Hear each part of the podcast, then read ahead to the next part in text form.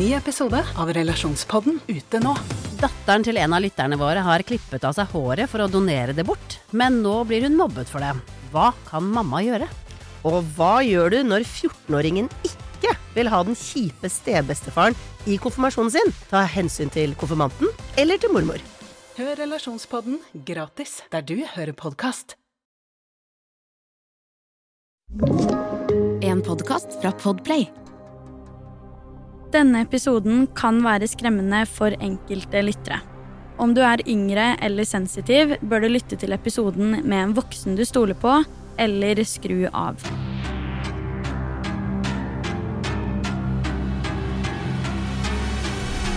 Hei og velkommen til en helt ny Forsvinningsfredag podcast-episode.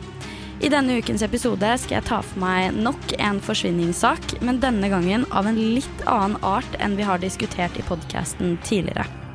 Dette er en sak som på mange måter har fascinert både politiet, etterforskerne og også true crime-entusiaster i lang, lang tid. Alt sammen er egentlig rett foran øynene på oss, men likevel har man ikke klart å finne ut av hva som faktisk skjedde med denne mannen, til tross for hvor mye info det finnes, og også hvor detaljert informasjonen som har kommet ut, faktisk er. Vi vet nemlig hvert steg Lars tok helt frem til han forsvant, og alt sammen ble dokumentert på overvåkningskameraer.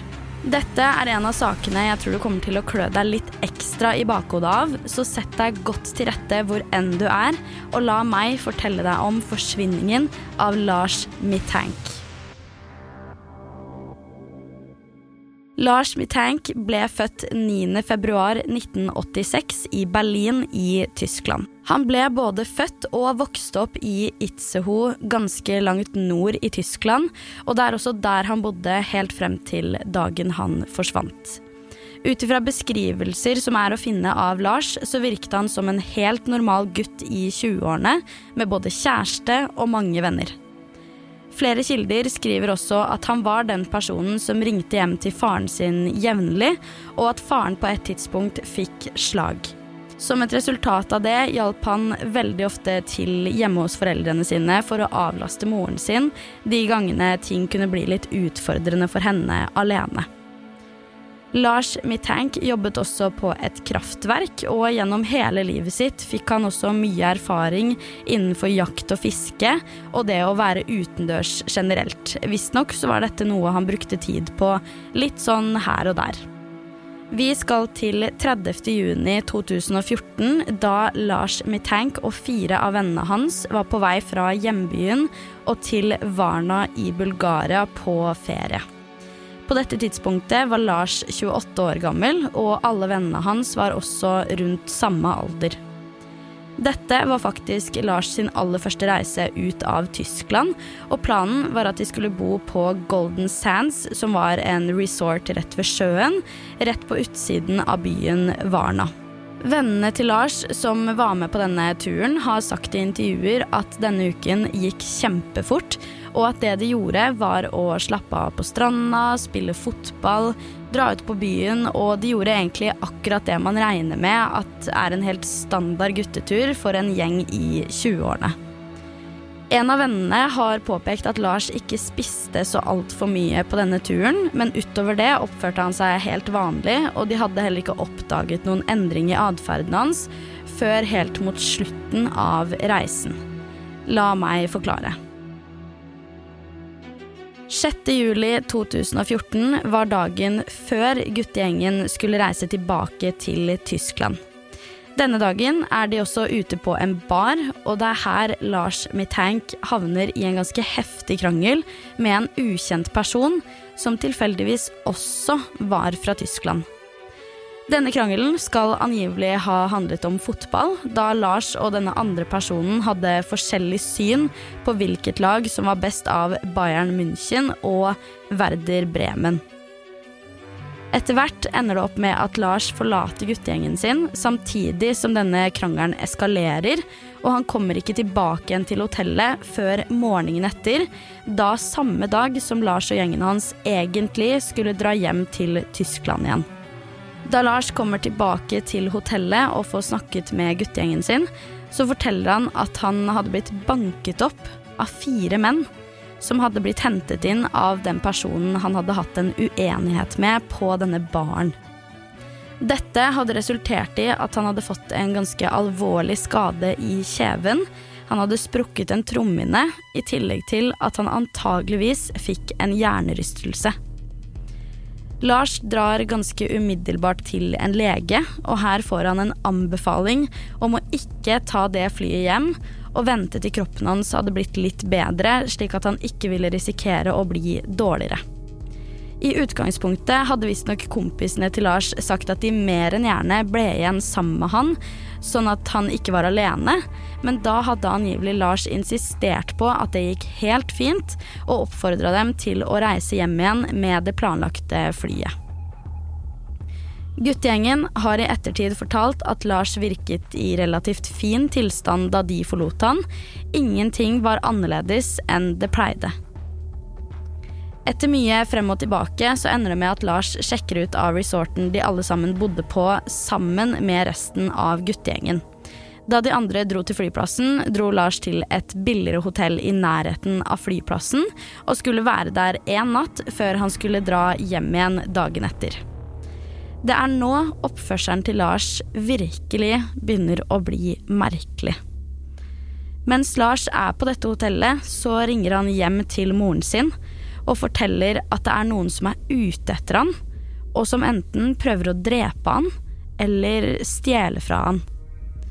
I tillegg til dette hadde Lars bedt moren sin om å sperre både bankkortet og kredittkortet hans, ettersom han var redd for at han kom til å bli rana. Fra denne dagen har overvåkningskameraer også plukket opp en veldig hysterisk oppførsel fra hans side, hvor man kan se at han går veldig raskt frem og tilbake i korridoren på hotellet, titter ut av vinduer og virker generelt ganske redd og utilpass. Da klokken er rundt ett på natten, har Lars forlatt hotellet og blir borte i en times tid. Hva som har skjedd i løpet av denne timen, vet ingen noen ting om til dags dato, men han kom tilbake igjen tilsynelatende uten å ha vært noe roligere til sinns. I morgentimene hadde han ringt moren sin nok en gang og sagt at de som er ute etter han, kommer nærmere og nærmere. Hvem var disse menneskene som han nevnte at var ute etter han? Kunne det være de som hadde banket han kvelden før?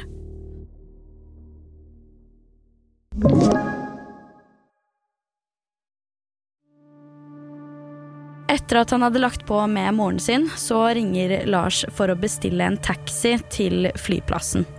Han hadde litt å gjøre før han skulle rekke flyet sitt. Han måtte nemlig innom legen på flyplassen for å få bekreftet om han var i stand til å fly uten å ødelegge trommehinna si noe mer, og uten å ha noen smerter under og etter flyvningen. Den siste observasjonen som er gjort av Lars Mitank, var 8.07.2014, altså den dagen han var tilbake på flyplassen for å forhåpentligvis kunne komme seg hjem igjen til Tyskland. Det han gjør, er at han sender en tekstmelding til moren sin, hvor han informerer henne om at han nå har ankommet flyplassen. Videre går han til legen som er på flyplassen, for å snakke med han. Denne legen har i ettertid sagt at oppførselen til Lars virket veldig nervøs og lite forutsigbar. Under denne samtalen hos legen skal visstnok legen ha sagt til Lars at han er i mye bedre tilstand og mer enn gjerne kan ta flyet hjem. Ut fra forklaringene som er gitt, så virker det ikke helt som at Lars tror på dette, ettersom han drar opp at han er litt skeptisk til medisinene som han har fått. Ifølge legen skal han ha sagt at han ikke ønsket å dø der, og at han måtte komme seg bort før han deretter løp ut av kontoret og lot alle verdisakene sine bli igjen. Det inkluderer all bagasje, telefon, lommebok og også passet hans. Det finnes overvåkningsvideoer av de aller siste observasjonene som ble gjort av Lars, og jeg har linka til en video på Instagram-profilen min Forsvinningsfredag, hvor du kan se denne overvåkningen. Den er veldig, veldig interessant. I denne overvåkningsvideoen ser vi Lars Mitank løpende gjennom flyplassen, og vi kan også se han løpe ut av flyplassen. Når han først er ute derfra, så kan vi se han løpe bort og til et gjerde. Dette gjerdet hopper han over, og før vi vet ordet av det, har han forsvunnet ut av kameraets rekkevidde. Vi kan se at han løper i retning av det som er en skog rett i nærheten av hovedveien i området, men dette er det siste vi noen gang har sett av Lars Mitank. I ettertid av forsvinningen så har selvfølgelig politiet foretatt seg store søk i området, analysert overvåkningsvideoer og avhørt en hel rekke mennesker, men alt dette uten hell. Et familiemedlem av Lars satte også en privatetterforsker på saken, men heller ikke han kom noe lengre på vei i saken om forsvinningen av Lars Mitank. Når det kommer til teorier om hva som har skjedd i denne saken, så er det naturligvis mange, ettersom dette er saken om mannen de kaller den mest kjente savnede mannen på YouTube. Likevel har ikke politiet kommet noe lengre i å finne ut hva som egentlig skjedde med denne mannen. Teorien som aller først oppsto, var en som gikk veldig inn på dette med at Lars hadde hatt så uforutsigbar og merkelig oppførsel i løpet av dagen og timene før forsvinningen. Det virket jo som at dette begynte rundt den tiden da han mente at han hadde blitt banket opp av fire ukjente menn etter denne kvelden på baren, så teorien går på at han da har fått paranoia. Moren til Lars og også flere utenforstående leger mente at denne oppførselen kunne komme av en sjelden bivirkning til legemiddelet han fikk etter hendelsen.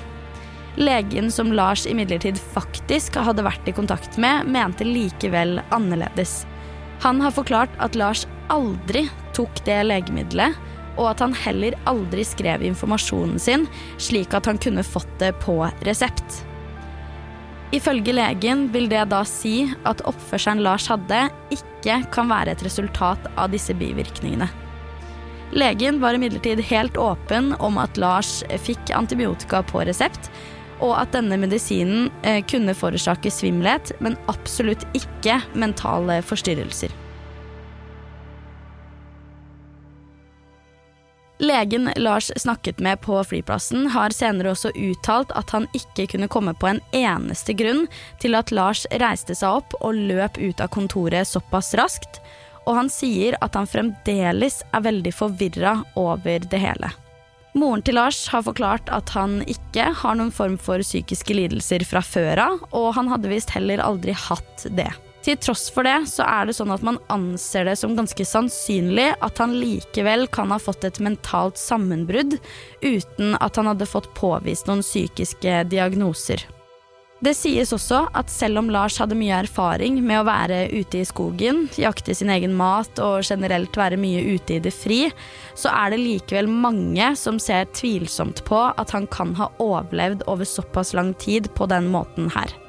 Dette er mye pga. klima og årstider, og det har også gjort at de som interesserer seg for denne saken, har sett i alle andre retninger når det kommer til hva som faktisk skjedde med han.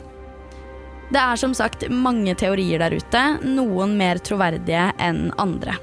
Blant annet så finnes det en teori om at Lars ble et offer av menneskehandel, og at han etter hvert ble funnet av noen som dro han inn i det. En annen teori går på at både Lars og vennegjengen hans drev med noe kjøp og salg av narkotika, eventuelt smugling av dette til Tyskland. Teorien går da på at Lars kan ha blitt igjen i Bulgaria som en slags sikkerhet, slik at resten av gjengen kunne dra trygt hjem med hva enn de hadde med seg. Jeg skal jo være ærlig på at jeg ikke tror at disse teoriene er så altfor sannsynlige, men det er likevel interessant å høre de ulike teoriene og hva de egentlig har til seg. Det har seg jo sånn at Lars valgte å løpe fra flyplassen og antageligvis ut i skogen helt alene og på egen hånd. Kan det ha seg at han flyktet som et resultat av at han fikk et mentalt sammenbrudd eller noe lignende? Ønsker han da ikke å bli funnet, eller kan det ha seg at han faktisk ble forfulgt av de menneskene som hadde banket han? I årene etter forsvinningen har det også dukket opp flere tilfeller der folk mener at de har sett Lars Mitank, men de fleste av disse har blitt identifisert til å være andre menn, og noen av de var faktisk også andre savnede personer. Det betyr likevel at akkurat denne saken til dags dato står som uløst, og foreløpig vet verken vi eller etterforskerne svaret på hva som egentlig skjedde med 28 år gamle Lars Mitank fra Tyskland. Dette må være en av de merkeligste forsvinningssakene jeg personlig har hørt om, og dette er definitivt en av de jeg gjerne vil høre dine meninger om. Så dersom du har noen, så må du veldig gjerne sende de inn til meg på Instagram, der jeg heter Forsvinningsfredag. Du har hørt Forsvinningsfredag podkast med meg, Sara Høydahl. Tusen takk for at du har lyttet til episoden. Jeg er tilbake allerede neste fredag med en helt ny en, og i mellomtiden, ta vare på deg selv.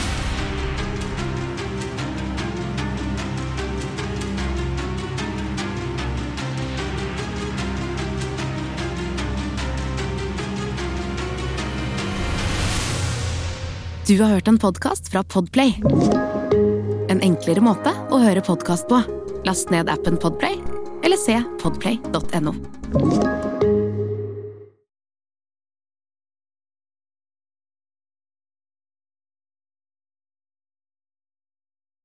Kronemarked hos Bar.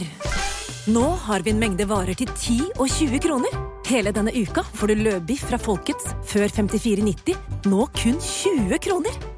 I tillegg får du et utvalgt Vasa knekkebrød, før fra 1690, nå bare 10 kroner. Alltid tilbud på noe godt. Hilsen oss i Spar.